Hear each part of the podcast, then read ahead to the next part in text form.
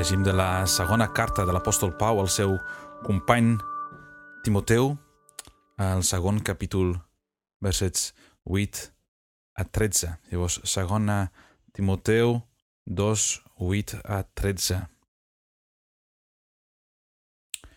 Pau diu aquí, o escriu al seu company i fill espiritual Timoteu, recorda Jesucrist, del llinatge de David, ressuscitat d'entre els morts, segons el meu evangeli, pel qual suporto afliccions fins a portar cadenes com un malfactor. Però la paraula de Déu no està encadenada. Per això suporto totes les coses per causa dels escollits, a fi que també ells obtinguin la salvació que és en Crist Jesús, amb glòria eterna. Aquesta paraula és fidel. Si vam morir amb ell, també viurem amb ell. Si sofrim, també regnarem amb ell. Si el neguem, ell, ell també ens negarà. Si som infidels, ell resta fidel. No pot negar-se a si mateix. Aquesta és la paraula del Senyor.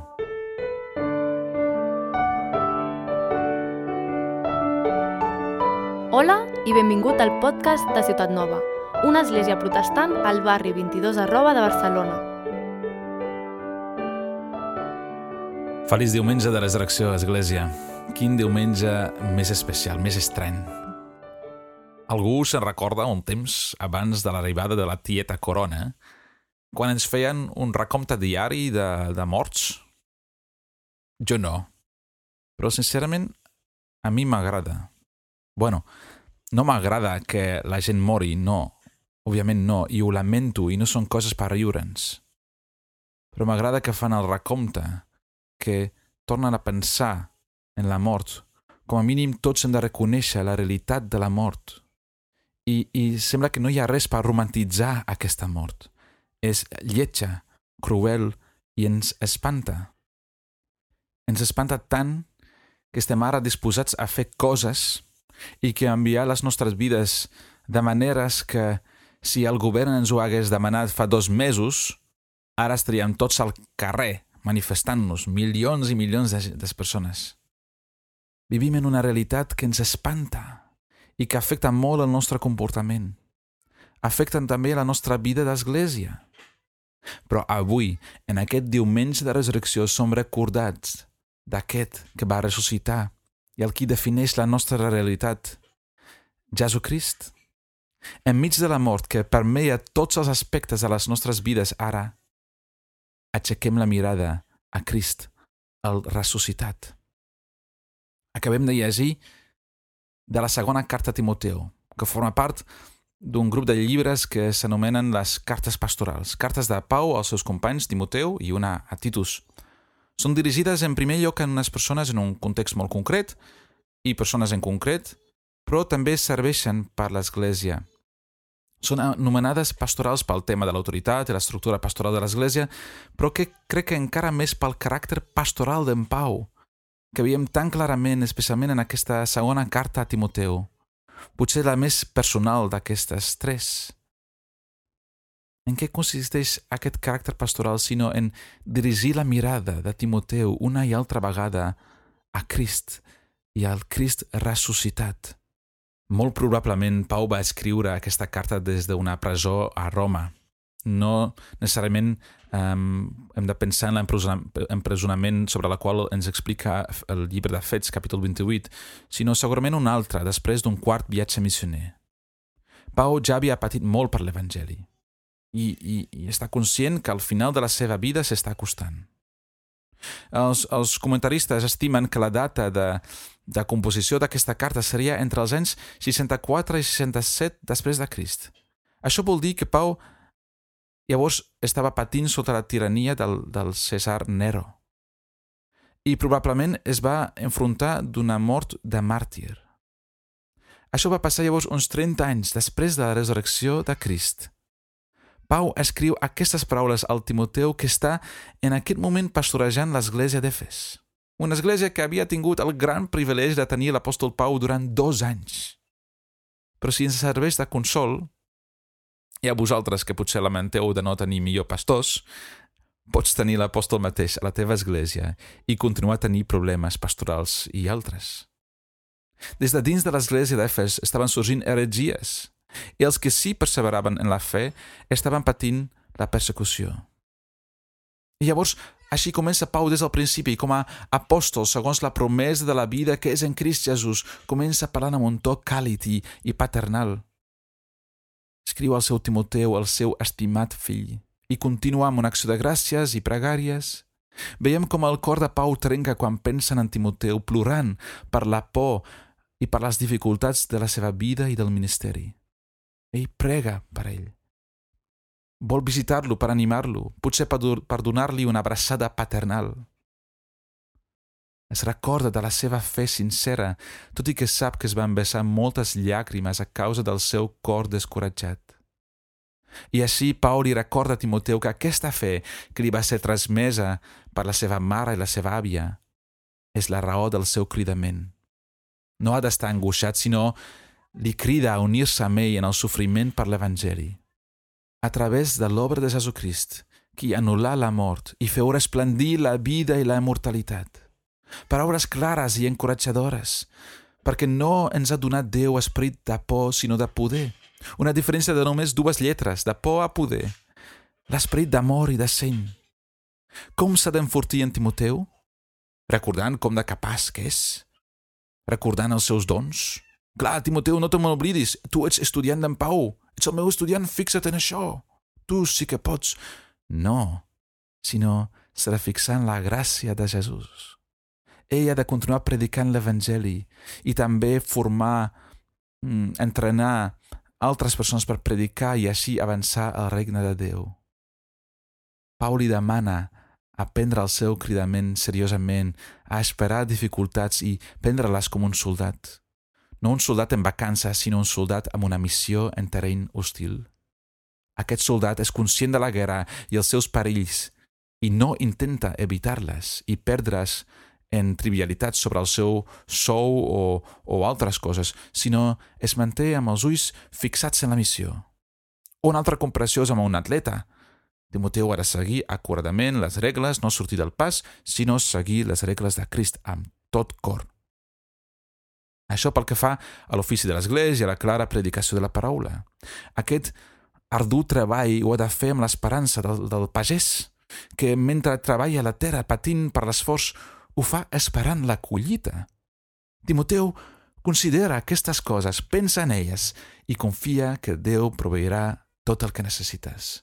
Déu t'ho farà entendre. I Església, família, això som tots nosaltres. Jo us puc explicar moltes coses, però al final Déu ens ho ha de fer entendre i ho farà. Quan Déu ens ho revela al cor, ho entendrem d'una altra manera, una manera que ens transforma. Això canviarà la nostra manera de pensar i actuar. Ens donarà una pau enmig de la dificultat. Llavors Pau crida Timoteu a perseverar. Llavors, quina és la clau per la perseverança? Què li mantindrà d'en peus en Timoteu en la seva vida cristiana? O en el seu ministeri. És la mateixa cosa que fa que Pau estigui tranquil en el seu confinament, en la seva presó. La clau és una bona vista al Senyor ressuscitat. Uns 30 anys després de la resurrecció de Jesucrist, Pau escriu a Timoteu «Recorda Jesucrist ressuscitat». Timoteu ha de recordar Jesucrist el ressuscitat i m'agradaria desglossar aquest verset sota quatre títols senzills que m'agradaria que recordéssiu després. Primer, recordar. Segon, ressuscitat. Tercer, rei. Quatre, realitat. Llavors, recordar, ressuscitat, rei i realitat. Per poder perseverar i no perdre's en l'angoixa, Timoteu ha de recordar. Recordar i reflexionar són conceptes molt importants per al poble de Déu. Ja en l'Antic Testament veiem com Déu mana al poble a recordar. Per exemple, en la Pasqua, el poble ha de recordar com Déu els va lliurar amb mà poderosa. Els va lliurar de l'esclavitud a l'Egipte. Els pares havien d'explicar als fills per què celebraven la Pasqua. Havien de dir, és el sacrifici de la Pasqua, en honor del Senyor. A Egipte, ell va passar de llarg davant les cases dels israelites. Mentre castigava els egipcis, estalviava les nostres cases. O, per exemple, en quant a la llei, la llei diu Deuteronomi 6, grava en el teu cor les paraules dels manaments que avui et dono. Inculca-les als teus fills, parlen a casa i tot fent camí quan te'n vagis al llit i quan et llevis. Lliga-te-les a la mà com un distintiu, porta-les com una marca entre els ulls, escriu-les als muntants de la porta de la, de, la, de la teva casa i dels portals de la ciutat. Els israelites havien de recordar aquestes coses, tenir-les presents en els seus pensaments. I així veiem al llarg de l'Antic Testament un gran èmfasi en la importància de recordar els fets de Déu. Salm 103 diu «Beneeix, ànima meva, al Senyor, i no oblidis cap dels seus beneficis». Per què? Simplement perquè sí oblidem. Salm 78 resumeix el problema recurrent del poble d'Israel en el verset 11. Diu van oblidar les seves obres i les meravelles que els havia mostrat.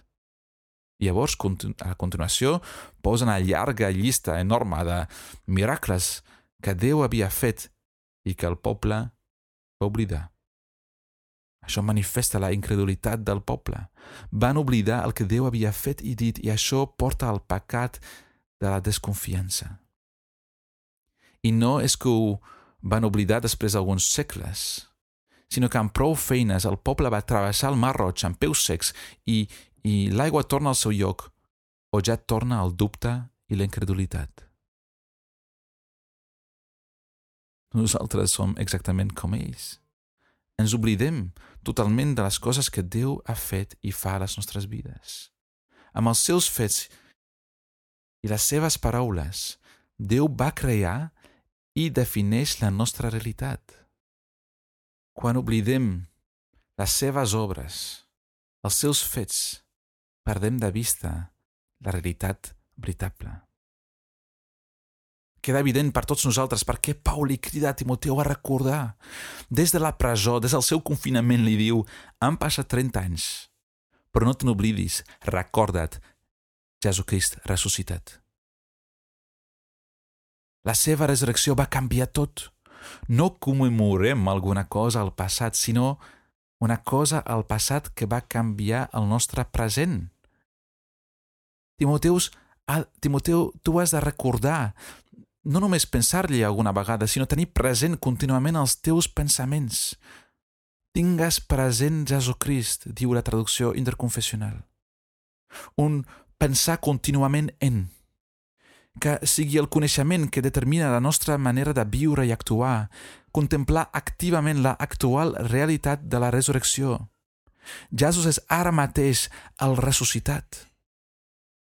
Església, som, som tan propensos a oblidar, oblidem tan ràpidament i just avui, en aquest diumenge, Déu ens crida a recordar, a tenir present la realitat de la resurrecció la realitat més gran, més gran que les telenotícies. La realitat de Jesucrist. Timoteu ha de recordar a Jesucrist enmig de les seves dificultats. Jesucrist, ressuscitat l'última definició de la realitat, el compliment de totes les promeses. El text diu Jesucrist en comptes de Crist Jesús. En tota la carta, menys aquí, l'apòstol Pau fa servir el nom Crist Jesús. I aquí diu Jesucrist. I l'ordre del seu nom aquí enfatitza el que ve després. Timoteu ha de recordar a Jesús, l'home ressuscitat, i al Crist, el descendent de David, el Messias.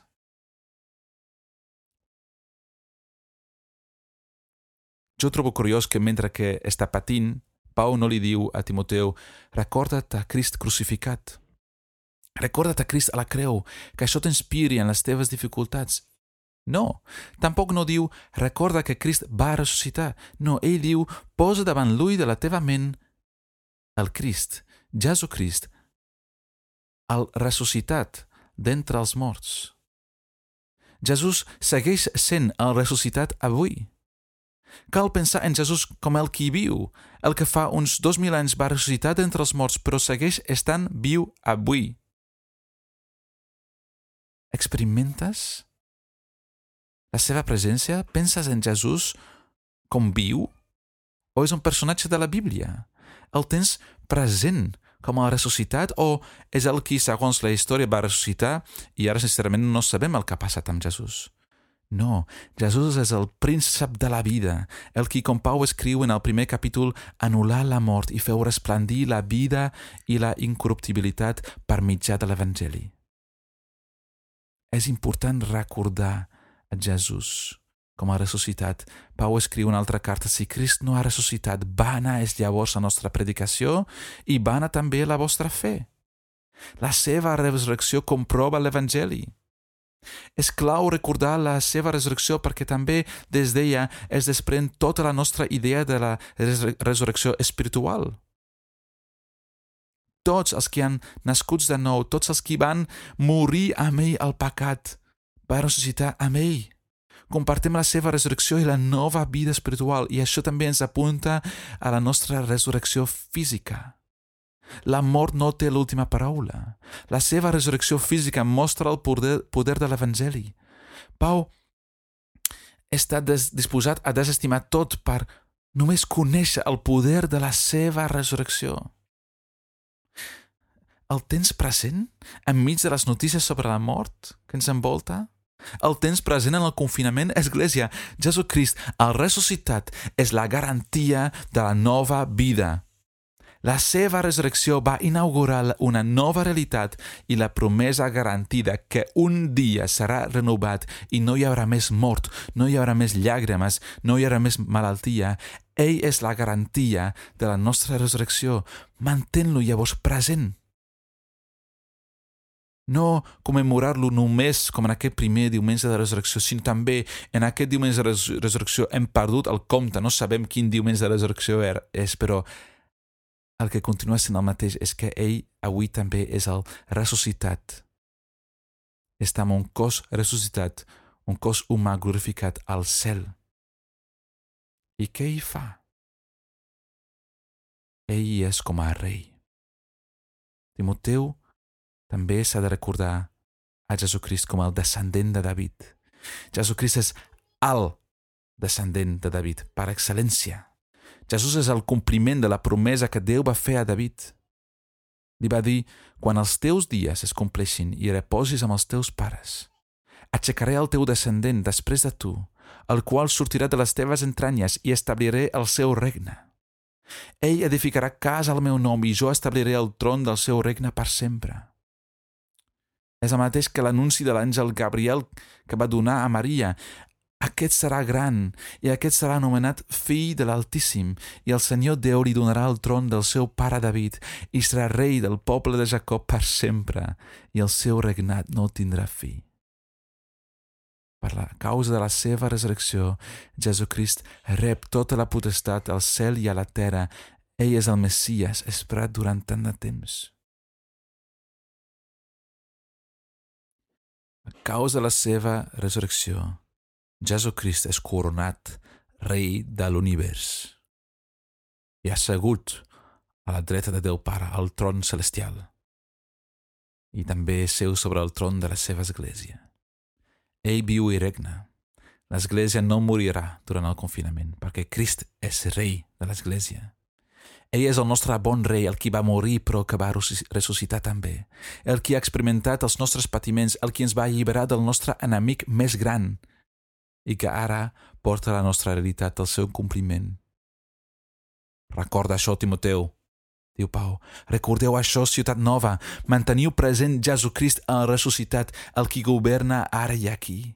Quan els actuals esdeveniments posen, de posen a manifest el poc control que tenim, quan demostra que de fet no tenim res de control, llavors recordeu que Crist sí té control.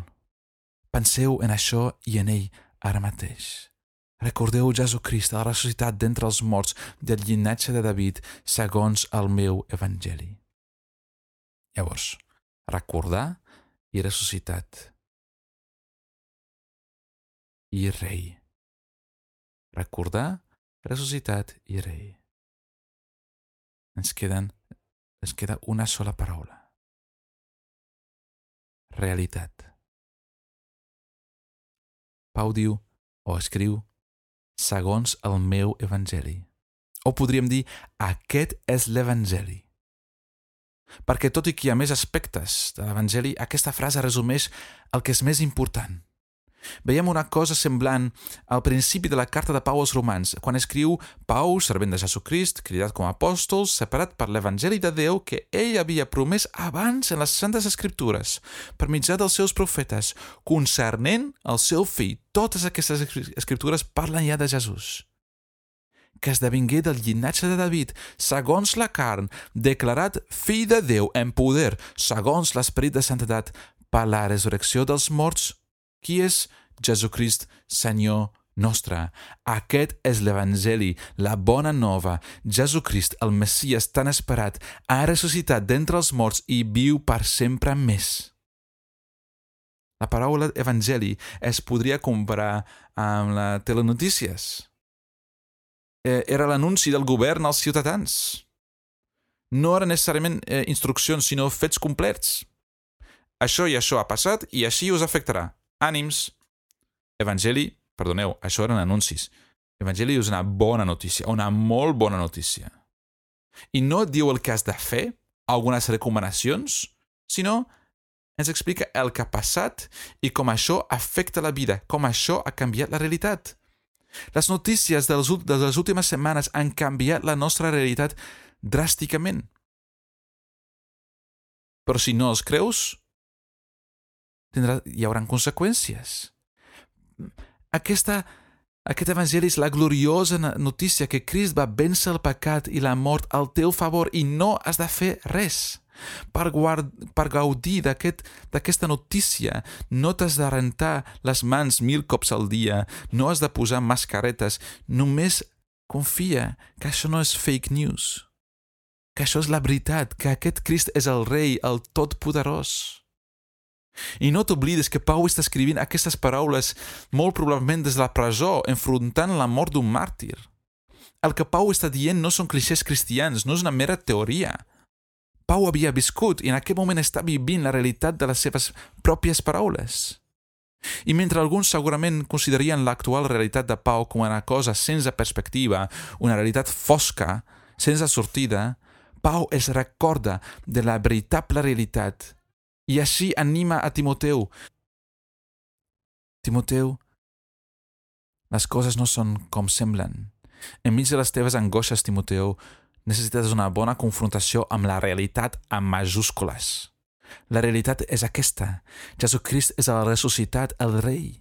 La seva resurrecció i la seva reialesa, el seu govern, van demà. Jesucrist com a ressuscitat i el rei totpoderós. Aquesta és la realitat predominant. Sí, passen moltes colers, eh, coses dolentes i no les neguem, les reconeixem i lamentem i lluitem també amb el perquè d'aquestes coses. No entenem perquè Crist permet que certes coses passen, però al fer això reconeixem que és el Crist que permet o no permet que aquestes coses passen, que és Crist que governa, i recordem que la mort no té l'última paraula, sinó Crist. Pau està en aquell moment patint per l'Evangeli, desacreditat com un criminal, però encara que Neró podia incendiar Roma, culpar els cristians, empresonar Pau, ell no pot empresonar aquest Evangeli. I amb el coneixement de la realitat de Jesucrist ressuscitat i el poder de l'Evangeli, Pau podia suportar-ho tot, perquè sap que en Crist ja tenim la victòria. Ni Neró, ni qualsevol altre dictador, ni, ni el virus, ni el confinament per por al coronavirus pot encadenar la paraula de Déu. Sinó continua proclamant aquest evangeli, aquesta gloriosa notícia de la nova realitat en Crist Jesús. Llavors et pregunto, el teu món s'està ensorrant ara mateix? Sí, podem passar moments molt greus. Tota aquesta situació posa les nostres famílies i el tema laboral sota molta pressió. Ho podem passar, me, passar molt malament també en quant a l'església o a la fe personal. De vegades sembla com la realitat ens està donant una bufetada. No sabem si podrem perseverar sota aquestes circumstàncies. Potser vols tirar la tovallola. Si aquest és el cas, en aquest moment permetem que et recordi de la, de la realitat amb R majúscula, que Jesucrist és la ressuscitat. Ell viu i ell és rei de reis i senyor de senyors. Recordar aquesta realitat és tan important i especialment ara. Una bona memòria de l'Evangeli és el que ara ens mantindrà d'en peus. Recordeu-vos a Jesucrist ressuscitat d'entre els morts descendent de David, la més gloriosa notícia. Perquè aquest evangeli és l'antídot contra la por. Com recordar-ho? Pensar en això, reflexionar-hi, per mitjà d'aquesta paraula no confinada, que no pot ser encadenada si no sembla que aquesta paraula estigui encara més activa durant aquest temps de confinament que abans.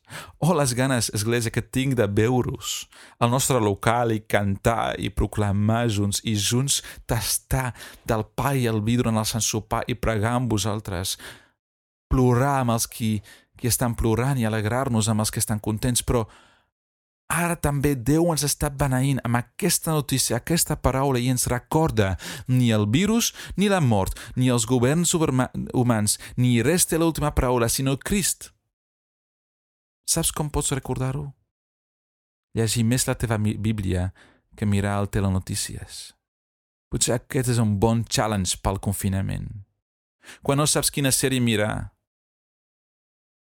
obre aquest llibre amb les notícies més bones que et fan aixecar la mirada amunt al Crist ressuscitat que és rei i governa la nostra realitat. Llavors ho repeteixo perquè ho deia en sèrio. És important que ens recordem les quatre paraules. Recordar, ressuscitat, rei, realitat. Recordeu el ressuscitat, que és rei i governa la nostra realitat. Jesucrist, el nostre Salvador i la nostra esperança. Amén.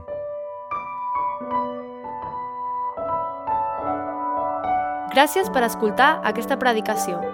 Si tens preguntes respecte al seu contingut o vols tenir una conversa sobre l'Evangeli, no dubtis en contactar-nos. El nostre correu electrònic és info arroba cn22.org.